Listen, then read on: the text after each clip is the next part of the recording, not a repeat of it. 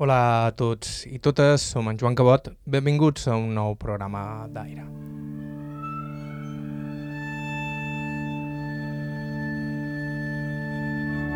Un dels dos programes que ens queden abans de partir de vacances. Durant l'agost podreu escoltar de nou en antena alguns dels nostres programes preferits d'aquest darrer curs, 2021-2022, en què hem tingut l'oportunitat de recollir testimonis increïbles, però abans de partir volíem fer nosaltres també una tria personal i recordar alguns personatges que per una raó o una altra ens han deixat una petjada inesborrable.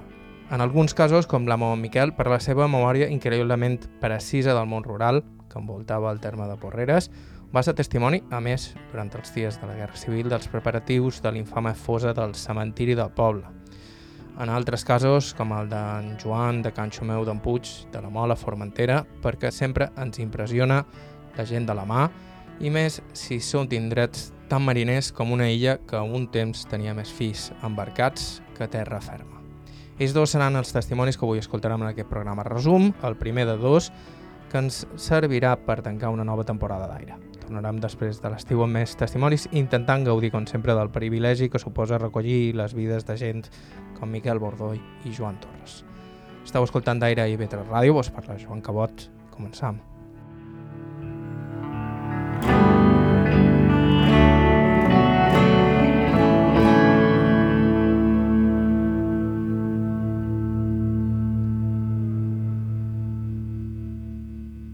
I farem a Porreres, on vam entrevistar l'amo Miquel Bordoi, nascut el 1924. Aquesta és la seva història. Vaig néixer a, en Esquerixó l'any 24, dia, dia 16 de, de, de desembre. I a què se dedicaven els vostres pares? A, a fer de fora viureix, a feina en el camp i una mica de seu que tenien i vivien, com se suposa, just. Varen estar, quan jo era petit, a,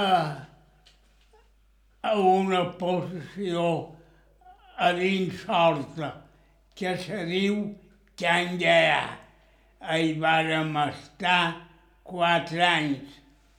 I jo en tenia d'haver dos que m'hi vàrem anar i, i hi vaig estar a, amb, amb els pares.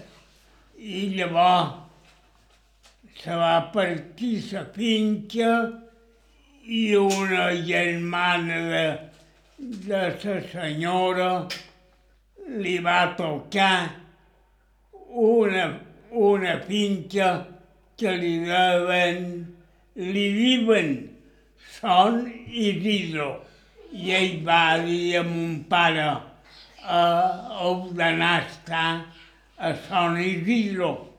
Jo hi vos hi faré una casa i jo vos hi faré fer una casa gran i i, i heu de ser el pagès de Sant Isidro. I mon pare va dir de conforme, se van entendre més que hi havia una cunyada i se tenia la casa venuda a uns senyors de per Palma i no va voler, voler donar part de res a, a mon pare de la casa. I ella vivia i mon pare li mantenia el conit. I quan va anar per sellat cementer, ja els brills tots en terra i, i, i només hi havia conills i, i va dir a la senyora deixaré la clau en Espanya i me'n vaig a la meva, va dir ell, que mon pare tenia una casa fora viure amb un parell de, de trossets de terra envoltats. I mos vam anar a viure allà i jo vaig partir a l'escola, en el Carritxó, en don Joan Llull. I hi vaig anar fins que vaig tenir 11 anys. Llavors mos va sortir una altra finca a, a dins del terme de Porrelles, que se diu Sant Jeroni. I, i mon pare i, i, i per ser jo també, que era un nen que no servia per res, hi vàrem, ho va, ho va demanar i va dir, diu, sí, sí, diu, ja tinc informes de vosaltres i ell per anar a dir la Mare de Déu, està buida sa casa, la feim nova, no està acabada, però ja hi ha un parell de dormitoris i, i, i no han sembrat res. Hi sempre molts arbres, hi fan clots, homes i uns altres sembren arbres que hi ha es planter a dins la finca de la Malverà. Conforme hi, hi anam dia 15 d'agost de l'any 36.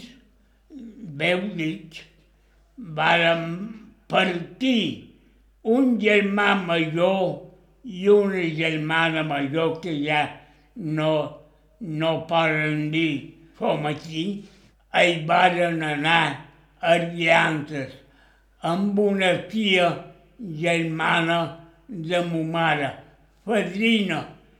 Hi varen anar a dormir en Sotren, vàrem partir de Falanits en Sotren fins de Canteres i de Canteres a peu, perquè tothom en aquestes hores anava a peu, caminant. Uh, més aviat o més a poc a poc. I van anar a dormir allà.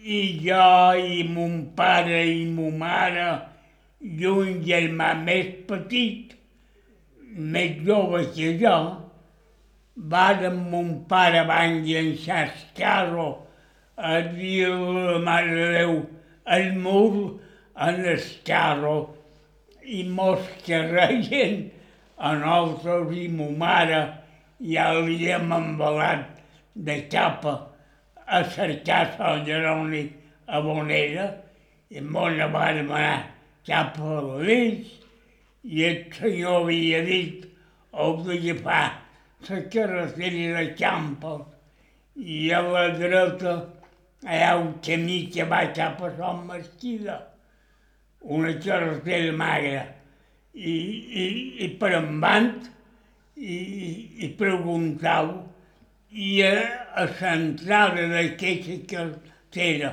a sortir de Falanits hi va haver un, un ple de civils i van amb mon pare posava el mur a la vorera diu no, nosaltres molt anam doncs hem d'anar per la carretera un redolet. I li van dir, oh, que ara, bé, hi ha hagut un desembarc, un desembarc de rojos, i jo vaig dir a mon pare, i, i, i quin combo és això? I, i mon pare em va dir, ja ho sabràs, em va ser més gran. I he acabat aquesta comèdia eh, ja mos finam. Un, un parell de camions, un darrere l'altre, plen de soldats, de militars, i nosaltres a la vorera i passen de capa en el fronter, en el barco aquell que era a Sant Cervera de, de, de, de la vella esport de Manacor i, i com van arribar allà, el barco ja era un bocint dins que se'n tornava. Només van tirar un parell de bales poques i, i, i arriba un camió que no n'hi havia pus de falange amb escopetes i gerrots i, i, i escorretjades i, i els varen dir soldats on anau a, a, amb aquestes eines Déu, Déu ja a, els xilemes rojos ja se'n van, se'n tornen, perquè han vist que hi havia camió per aquí i no han volgut fer desastres i se'n van tornar. I nosaltres agafaren carretera, vorera, vorera, en so carro i el mur i agafam el camí de Son Mesquida i, i demanant a, a passar en el llogueret de Sant Mesquida a l'esquerra demanau el camí de les canteres i tirau per endavant i, i, i eren fora encara.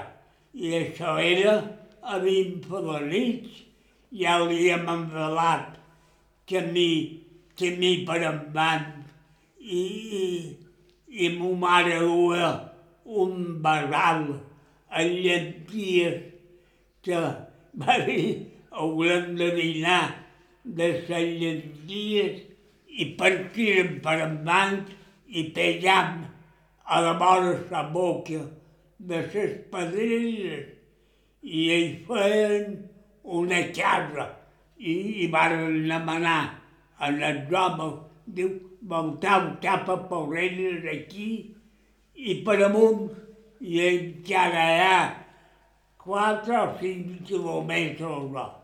I per amunt i, i arribàrem a un pastor i que, que, que guardava un guer a la vora camí i va dir, diu, això ja és Sant Jeroni, però s'han fet dos i ara nosaltres mos quedam en el vell que és, és un raig més gran i l'altre a, a llavors anava altre. Mon pare va dir, sí, si Déu vol, si Déu vol, seran veïnats, seran veïnats ara. I així vàrem anar cap a Sant Jeroni i quan vàrem arribar allà ja era prop de migdia, o de vell migdia de llavors, d'ara no ho sé. I, i vàrem, mo mare va posar les llenties que les duia dins un barral d'això que posaven vi tapat amb un bastó perquè estava un poc romput damunt en el tap. Li faltava era un barral vell, però era bo per conservar-hi llegums i va posar llenties en el foc de llenya i olla i un cuerot de fusta va bullir aquelles llenties perquè estava requirat tot botilles, farineres, bueno, havies d'anar a fer una cartilla de racionament que la, i, i, i amb aquella cartilla te demanaven quan éreu i, i ho duia apuntat. I si te donaven un tant per cada un i t'havia de bastar, t'havia de bastar allò. i, i quatre llenties i un pot de pa, de pa que hi havia mesclat una senara d'ordi i dues de blat en posàvem, perquè havíem hagut d'entregar blat i nosaltres en teníem molt poc i mon pare em va mallar un poc i li van dir no, no, no manguis res que si t'hi troben te faran la pell amunt i mon pare. Se va fer, se va fer por. I, i ho van treballar i llavors em va de comprar un sac a l'os a Sant Jeroni Vell per poder sembrar. I a Sant Jeroni Vell coneixien més el balla i, els que volien comandar, amb una paraula, perquè hi havia no sé quants de partits, de, de raqueters, de falange i de comunista i res, i no sabies en aquí, en aquí havien d'anar. Estàvem malament la cosa. L'opció era poder menjar un poc i no fer els ruïssos gaire grossos. I d'aquesta manera vàrem anar visquent a Sant Jeroni. Mon pare llavors va vendre la finca d'allà, la casa i aquell parell de trossets, perquè era un bolic per estudiar parets, eren tres cases embolicades, una per l'altra. I un, un estranger va dir, Simó, si ho puc comprar tot, em van i si no ho puc comprar. I nosaltres estàvem a Sant Jeroni i va venir un dia un home, diu, se voleu d'allò i ja tinc l'altre comprat i la qüestió que ho vàrem vendre tot. I mon pare va comprar un pati a dins el poble, no gaire fora d'aquí, un pati de 400 metres. I el van tancar amb un veïnat que se van, que se van partir un altre tros d'un altre tros de pati. I, i ells van fer una casa i, i, i els meus pares eh, s'hi van morir tots dos. Així és com Miquel Bordó hi va arribar a Porreres. De fet, un dels records d'en Miquel d'aquells primers anys al eh, poble té a veure en la fosa on acabaren els cadàvers de cents d'assassinats pel bàndol feixista. Ja ho vaig veure fet només. I, i era buit. Això era la primeria que i era més fondo.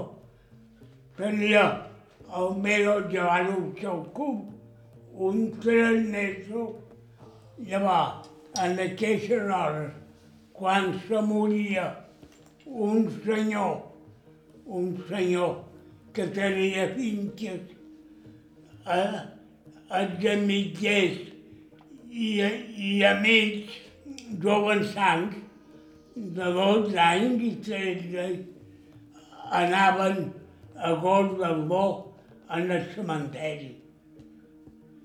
I jo se va morir el senyor de Can Sitx, m'apareixera, el vell, vell, vell, vell. I, I jo era molt amic de l'Andreu de Socoma,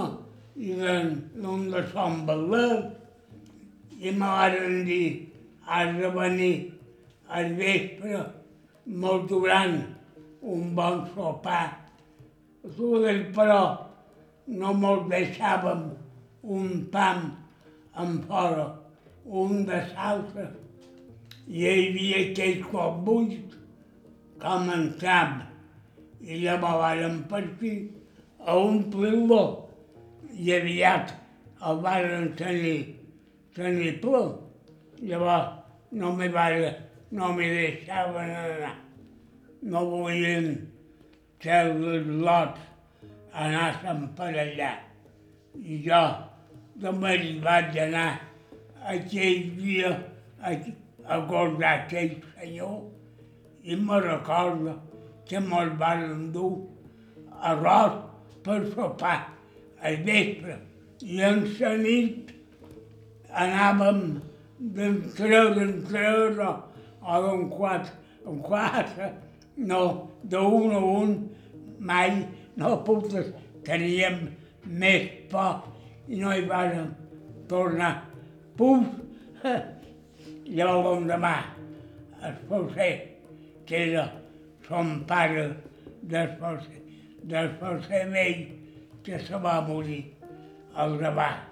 El varen enterrar en el senyor aquell. Quan se moria un ric, les proves eh, anaven allà i jo, com que era prova, Pobre i pagès, ell s'havia de conformar en anar al poble a mirar els cartells de les pel·lícules que posaven al cinema. No les pel·lícules, sinó els cartells.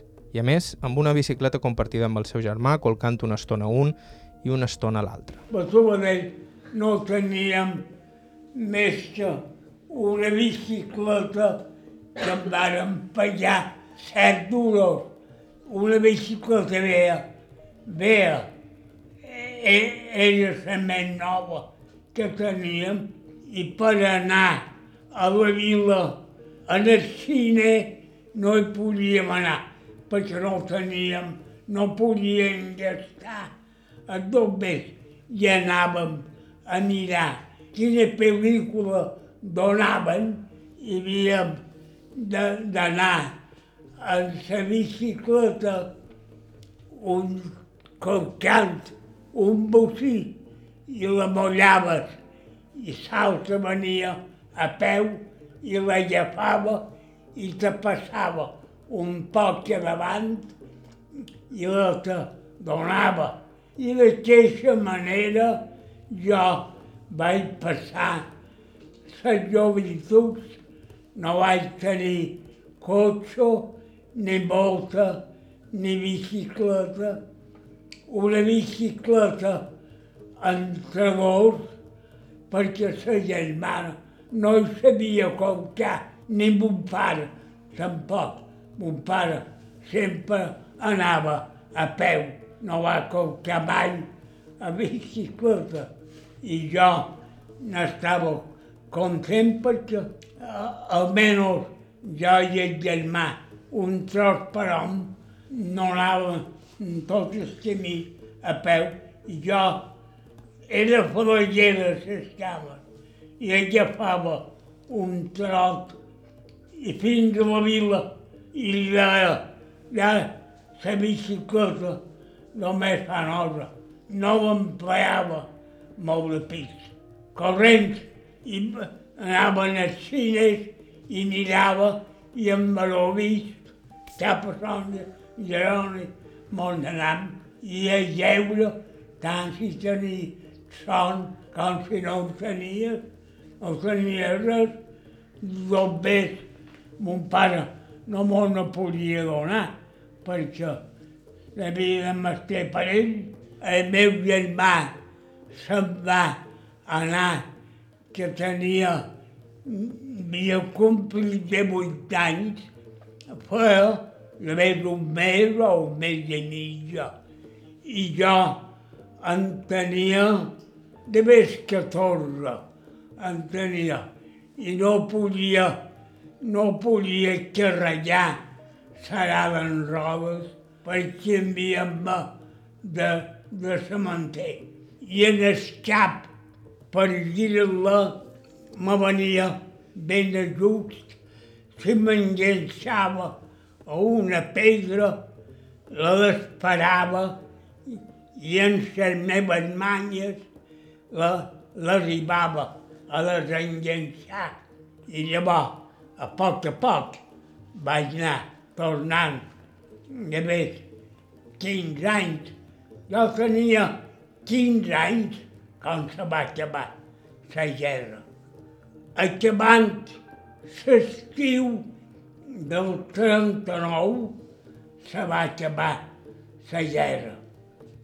Però el germà se'n va anar a Menorca i va poder estar allà fins que mon pare va tenir els 60 i ell va estar per més de dos anys, ell va estar i no va venir cap vegada, amb penes mos coneixíem ja, i allà estava a infanteria ell i la primera carta que mos va enviar mos deia que de dir la mà havia vist fins que s'havia viscut ell per dins el terme de Sorta.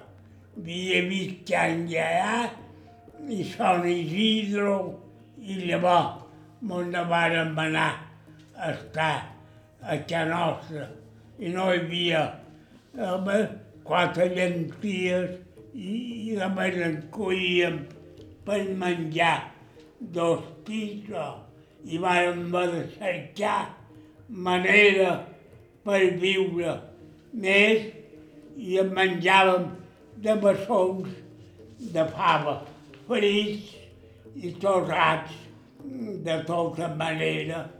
Aquell parell d'anys a Sant Jeroni que havíem hagut de manllevar el gra per sembrar i ho havíem de tornar i dir gràcies. En la nit guardava l'uruguà i en devia tomava ametlles per poder menjar, perquè llavors les coses van canviar. Quan va acabar la guerra va ser una altra cosa. Llavors comandaven diversos, anaven per votacions i, i un dia comandava el bo i l'altre dia comandava el millor i l'altre dia no eren cap dels dos bons i tornàvem a votar i amb una paraula les coses han vengudes d'aquesta manera. Encara més normal que vàrem poder sortir de dins el vermell, el vermell de sou. Jo sempre he fet la feina a Sant Jeroni, sempre, en el tractor i amb bici i de tot. Quan varen tenir un parell de bombers i el senyor me va ajudar un poc, em va dir no venguis les mebles, ja te donaré els bombers per adelantat. I vaig comprar un tractor a punt de, de lliurar i d'aquesta marxa jo m'he cercat la vida i he arribat en el punt que som.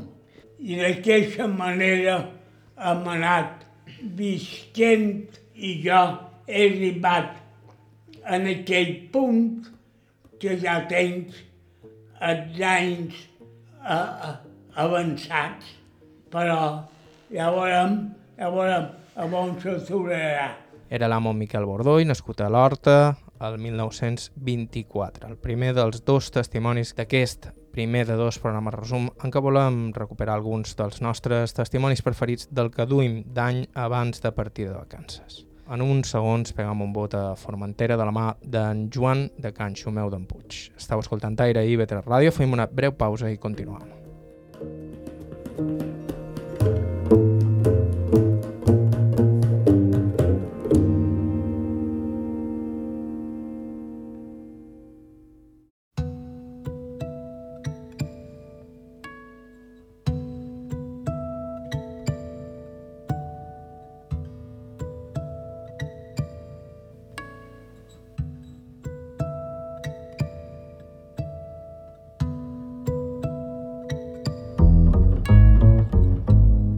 Nou, som en Joan Cabot, estàu escoltant Taire i avui nosaltres estem rebostatjant en l'arxiu recent del programa per tornar a escoltar les veus d'alguns dels testimonis que més ens han marcat aquests darrers mesos. Veus com les de l'amo en Miquel Bordó i de Sorta, aquí acabam d'escoltar, o la del nostre següent protagonista, en Joan de Can Xumeu d'Espuig, nascut a la Mola, Formentera, i més mariner impossible. De fet, això de mariner ja li venia de pare, aquí el teniu, entrevistat a casa seva, allà mateix a la Mola. Pues jo som Joan Torres Costa, de Can Xumeu d'en Puig de la Mola. I vaig néixer el dia 16 de setembre del 35. Ara vostè pensi, vaig néixer el 35 i la guerra va, va, va començar el 36, va estallar la guerra. Ara, vostè imagini quina infància han tingut. Dolenta. Una infància molt dolenta.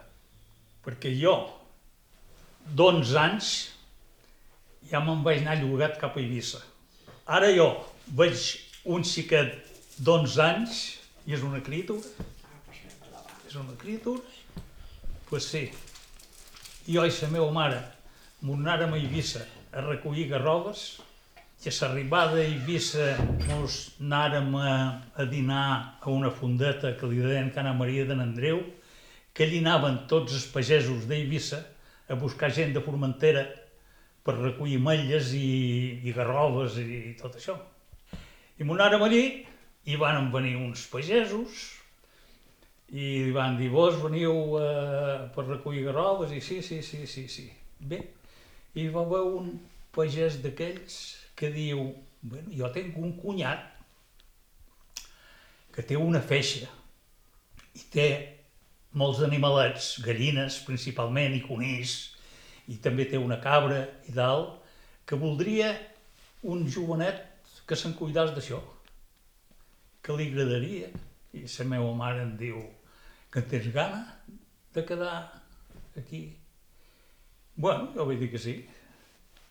I, i resulta que era una brigada d'infanteria que vivia dins vila, a Llibara de Rei, i, i tenia una feixa, i de veritat, tenia moltes gallines i, conills, i, bueno, jo, pues, eh, els, els dava a menjar. I llavors anava a menjar i a dormir, allí, eh, a casa de la brigada aquest, però em vaig ignorar molt.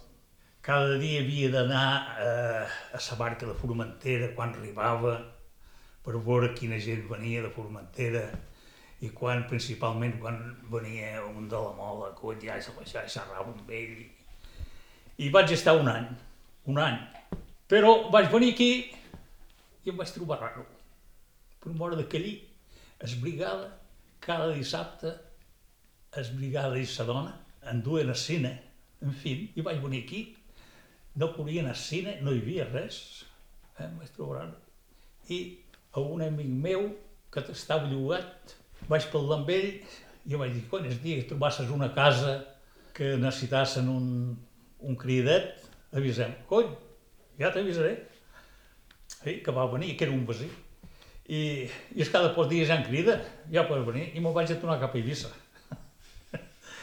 I vaig estar un any més, i allí no vaig estar tan bé com estava en Sorbrigada, perquè em feien treballar molt i una gent molt pagesa i estic tot enrenyat, perquè, clar, jo no, no, no sabia fer moltes coses, com era regar, m'abullaven l'aigua de safreig i venia l'aigua amb una força i havia de girar els taps i no era pràctic. I em fotia cada bronca aquell com rai. Però bueno, vaig seguir estar un any. I llavors vaig tornar cap aquí i, i en poc temps ja em vaig embarcar en, en barques de bou a Eivissa i vaig pescar el bou, tenia 16 anys quan em vaig embarcar. I vaig pescar dos anys a Eivissa. I llavors, una nit, arrastràvem aquí a Esplanars, fora del cap de Barberia, i duem un patró que es veu que no ho coneixia, i perdérem sis bous. I quan arribàrem en terra, eh, va parlar l'amo i li va explicar. I com que l'amo era vell, era mallorquí, bueno, l'amo era, l'ama era sa dona, una tal Catalina Mates, tal Catalina Mates. I, i van dir, bueno, ha perdut sis bous, ja nosaltres som vells, no volem tornar, gastar-nos un capital ara i per tornar a pescar. Ja som vells i dueu-me la barca a Mallorca i l'amarrarem. I va ser, duguem cap a Mallorca i, i l'amarràrem a Llis Mollet i va dir vull quedar en Joan, que era jo, diu perquè la baldegi, perquè se'n cuidi a la barca, diu i a casa, diu pot venir a menjar, i jo tinc un jardí que tinc parres i tot això també els apoderà i se'n cuidarà. I va ser veritat, vaig quedar-hi a la barca, i ja era la barca, i anava a menjar allí, i, i cavava el jardí, i arreglava, i cada matí baldejava la barca, i d'això.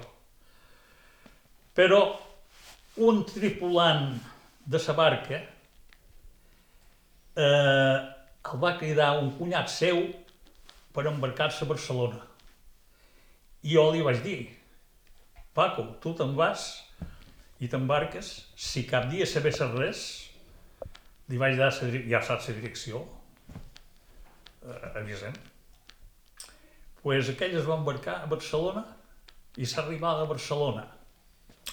Va anar en el moll de, que estava el seu cunyat, però ja no el va trobar. Ja havia sortit el barco cap a Vallcarca i va demanar a uns barcos i tal barco que, havia, que jo venc per embarcar-me amb ell, ah, el patró ens va deixar un recado. Tu ets el que s'ha d'embarcar allí? Sí, sí. Diu, pues ha sortit cap a Vallcarca. Pots agafar el tren i el trobaràs a Vallcarca. I li diuen, a nosaltres ens falta un mariner també. No deus, ser, no deus conèixer ningú. Diu, sí. Sí, sí, sí, sí.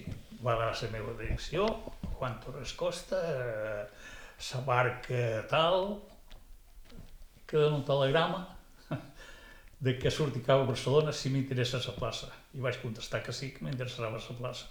I vaig anar a Barcelona i just el dia que m'embarcava vaig complir els 18 anys. Arriba allí en el moll de, de Narguimbau, amb un, perquè en aquell temps havíem de dur tota la roba de llit. Tota. Coixón, coixí, bueno, tota la roba de llit. No la daven. I agafes coixón, per maleta utilitzàvem un sac de lona que el feien, que l'havia fet el meu pare, un sac de lona, i posàvem tota la roba. I clar, vaig haver d'agafar un taxi i em vaig embarcar el sac aquell que duia tota la roba i, i, es, i el cotxon que el duem enrolinxat dins un, un coll que dèiem un coll de lona.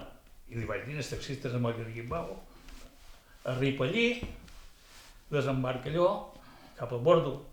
A bordo era, el, nom del barco era el Playa Sant Andria, eh, matrícula de, de Ciudadela. Arriba allí i el patró, estaven treballant, i el patró em diu, vés al ranxo, canviat, i ja pots anar a la bodega. Vaig anar al ranxo, vaig canviar, m'arribi dins la bodega, hi havia, a veure quants, hi havia de Formentera, el segon motorista era de Formentera, el nostre amo de Formentera i el mariner de Formentera. I els, els coneixia, i eren homes d'edat ja. Posa a treballar, venien de Ciudadela, que et va costar la línia de Barcelona a Ciudadela.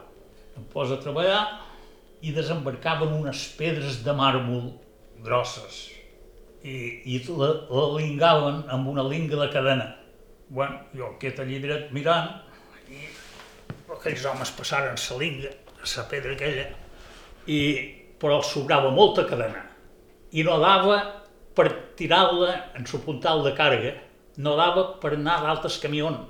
I els patrons els de acursar-la, acursar-la al màxim, perquè no dona per posar-la d'altres camions. A coll, començaven a rebalejar i, i ningú sabia cursar la cadena. I ell, el patró, es deia, faceu-li una gassa de mà. Bueno, una gassa de mà, una cadena no, no s'utilitza. Jo m'ho mirava. I resulta que el meu pare havia navegat tota la vida i em havia ensenyat diverses coses i, i, i cursar una cadena era una de les que m'havia... I dic, bueno, dic, "Vol- voleu, jo em pareix que sé cursar-la. Ah, sí, sí, sí, sí, va, pum, pum, pum, enganxa. El patró em deia, ei, no escapularà això, eh? No, no escapularà. Ja quedaren un poc esmeravillats perquè aquell, aquella criatura, veure aquells homes, sense bregat mai, eh, no va saber ningú que la cursàs. Bueno, no és raro tampoc. Aquesta era la mena de coses que Formentera prenies gairebé per herència familiar. Com ha dit en Joan, son pare ja va ser mariner abans que ell. El meu pare havia navegat tota la vida. De jove, abans de, de, de casar-se, diguem-li, va fer dos viatges al Sud-amèrica, Montevideo, a Buenos Aires, i va estar cinc anys. Va venir, va estar una temporadeta i se'n van tornar. Va estar cinc anys més. Llavors va venir, va fer part d'aquestes cases i es va casar i, i va, tenia, va tenir eh, una, una filla i jo. La germana era major que tenia 4 anys més que jo. I se'n va anar a navegar a Sacros, una companyia de Barcelona, que els barcos són sacs, a la xamanalla, la contrasenya posa sac. Quan el meu pare anà, sac 1, sac 2, sac 3, sac 4, sac 5, i això era, eh, a Barcelona, era la guerra, i, i Barcelona era de la part roja, i el carregaren al sac 4 per Rússia, i va sortir de Barcelona un sol post. Ja se li va posar a la sortida de Barcelona el Canaris, que era un barco de guerra espanyol, a seguir-lo, al costat. I quan va, es va fer de nits, que eren per davant Palamós, me li va disparar. Li va fotre quatre forats al costat, però a flota d'aigua. El barco no se'n va a fondo. I just allí on va fer els forats, el projectil, era dins la carbonera, que en aquell temps els barcos anaven a carbó. I no, i no van explotar, només van fer forat, perquè eh, eh, quedaren dins el carbó i es veu que no, no van poder explotar. Però el capità va dir per terra, per terra, hasta que el barco va quedar embarrancat. I quan el barco va quedar embarrancat, es tiraren tots a la mà, això va ser a Palamós, es tiraren a la mà i nedant anant a les platges. De, 30, de 35 tripulants que eren, que en aquell temps duen molta tripulació, perquè duen palers, carboners, quatre timoners, mossos de coberta, en total 35. Es tiraven a la mà i només se'n va perdre un, que es va tirar, quan es va tirar resulta que havien arriat un bot i es va tirar, i, i va tirar dins el bot i es va matar. Els altres anaven nedant a la platja i bueno, i llavors la Creu Roja o, o alguna així, sé que allí a Palamós anaren a un hospital i com que estaven bé, pues, cap a Barcelona i la companyia pues, va dir, bueno, pues, aus embarcam a tal barco. I molts van dir que no, quedaren prou estomagassats, que van dir que no, i el meu pare va ser un de tants. I va venir, i com que venia de la part roja, a Eivissa se'l agafaren i el tancaren. Però jo me record que el anàvem a veure allà a la presó d'Alt Vila per una finestra que tenia dos ratxats, dos creuers, i no, no el bastaves, no mos bastàvem. Sé que entre creuer i creuer hi havia arena i pedretes de la platja. Jo em vaig agafar dos o tres. I quan li feien el judici, que judici li feien a Mallorca, va sortir franc i llibre, perquè no, no havia fet res més que venia a la part roja. El que passa que aquí els plangistes i tot això el denunciaren i, i el tancaren. I llavors va venir aquí i, bueno, aquest home no va tenir sort perquè resulta que mentre navegava havia enviat sous i, i com que eren sous de, de, de, de republicans, en Franco, quan va entrar, van dar un temps per canviar aquests sous. Anaves al banc i t'ho canviaven. Però resulta que la meva mare, pues, mesquina, ningú la va informar i no van a canviar sous. Entonces, va, teníem els bitllets però no volien res, no volien res, per passar més misèria encara. Quan son pare va estar pres, ell era ben petit, tenia 6 o 7 anys, però per sort no va estar tancat molt de temps. Dos mesos, dos mesos va estar. Però tot això ajuda de que això es coneix. No hem pogut anar a escola, cosa que teníem seran d'anar a escola més que poc, i hem hagut d'anar de casa amb les joves, i hem hagut de treballar molt. Hem hagut de treballar molt perquè, com li he dit, jo, quan em vaig embarcar en barco el cabotatge, el dia que em vaig embarcar vaig complir 18 anys. Ja havia pescat dos anys i Eivissa, i he hagut de fer molta feina. I sempre de, de peonatge, diguem perquè com que un no té, un no té estudis, un no té escola, i, i a fer feina.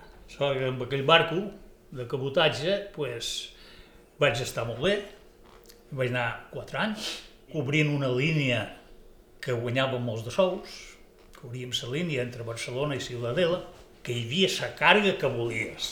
El barquet era de, de 100 tonelades. A Ciutadella carregàvem la bodega de, de sabates, de, perquè es construeix molta sabata a Ciutadella. La bodega a tope, de paquets de sabates. I, i, i formatge. També es treu molt de formatge de, de Silla de Maó. A coberta, la coberta plena de bestiar vaques, mules, de, bueno, tota classe de bestiar. Allí els amarràvem en el clavillero de, de solda, primerament d'embarcar eh, tiràvem un camió d'arena en la coberta perquè no es fessin la madera i venga a amarrar la coberta plena de vaques. I ho passàvem molt bé perquè resulta que hi havia moltes vaques que venien amb una bregarada que feia por. I el nostre amo era molt pràctic de munyir-les. I teníem la llet que volíem. I el cuiner mos feia moltes coses, arròs amb llet i, i d'això, i cremes. I... Ho passàvem molt bé. I, I quan que anàvem a tope cap a Barcelona de, de càrrega, de paquets de sabates i bestiar i tot això, pues allò pagàvem molt de flete i nosaltres no anàvem a mesos, anàvem a la part que deien, a la part. I de Barcelona cap a Ciutadella, pues, molta càrrega general. I en coberta, una cobertada de menjar de bestiar. Pulpa, paia, paques de paia, eh, una cobertada que feia por, saps? Entonces, en aquell temps, els barcos emesos, això era el 54, els barcos emesos guanyaven 500 pessetes cada mes, poc, però estaven relacionat a la vida de debò. I nosaltres mostrem 2.000 pessetes cada mes. Cada setmana fèiem parts i, de 4 a 500 pessetes cada setmana. El que treballàvem molt, eh? perquè treballàvem en les càrregues. De, de Barcelona sortíem els dimecres a la tarda. Arribàvem els dijous al matí a Ciutadella. Posàvem 15-16 hores i llavors sortíem els dissabtes al post cap a Barcelona. Arribàvem el diumenge a Barcelona i ja els, camion, els camions ganaders ens esperaven, desembarcàvem tot el bestiar i quan havíem desembarcat el bestiar havíem de netejar. Fèiem baldeig a llevar tota serena i tota la brutó que havíem fet a llampiar el barco. I llavors a tarda del dia era diumenge els dilluns i sortíem llavors els dimecres a, a Salpós cap a Ciutadella. I el temps variava perquè feia, el barquet feia unes 7 milles, però eh, duíem vela, duíem un bon triquet, una bona trinqueta i un bon triàngul a popa. I si hi havia bon vent, ho hissàvem tot i adelantàvem a lo millor eh, dues hores. Per això, a vegades, un, un viatge, me record que va ser el viatge que més quedàrem, quedàrem 13 hores, cosa que sempre en fèiem 15 o 16. I bueno, fèiem 7 milletes i allà de Barcelona a Ciutadella, allà 113 milles. Com era la vida en el vaixell? Pues la vida a bordo, com que són tripulacions eh, de pocs tripulants, en aquell temps era una família a bord d'un barco d'aquestos. Una família. Perquè principalment es que el barco que és el patró, però aquests patrons han anat molt de mariners i saben el que és. Entonces, eh, tenen un respecte molt gros. No és igual un que només ha estudiat que se'n va dins i no ha treballat mai dins una colla de treballadors. És intel·ligent, però no sap aquells homes a quin tracte ho necessiten. M'entén? I un que ho, ha, que ho ha viscut, pues, ja sap el que és i me recorda que aquest home que manava el barco, eh, millor hi havia un rato, bueno, pues a llampiar això, allò, al costat o tal. Bueno, eh, avui ja no venen més camions per carregar tal. Eh, ala, vinga, fora mà. A lo millor les 4 de la tarda. Fora mà, vinga. A vestir-se i, a, i a disfrutar. Cosa que un que no ha anat de mariner no ho fa. Eh, que treballi, quan més millor. Perquè he anat a... No, sense despreciar ningú, eh? però em ve que dir que es tenir experiències de les coses a vegades val molt.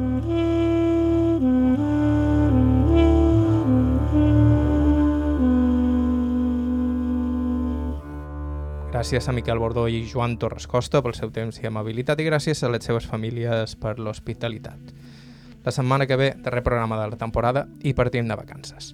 Us recordam que la millor manera de no perdre's cap programa d'aire és subscriure's a qualsevol dels agradadors disponibles i que a ib3.org barra carta hi trobareu tot l'arxiu del programa. La música que ha sonat en el programa d'avui ha estat de Joshua Abrams, Jaume Tugores, Marisa Anderson i Charles Rumbach. Bàrbara Ferrer, la producció executiva, vos ha parlat. Joan Cabot, gràcies per ser a l'altre costat i fins la setmana que ve.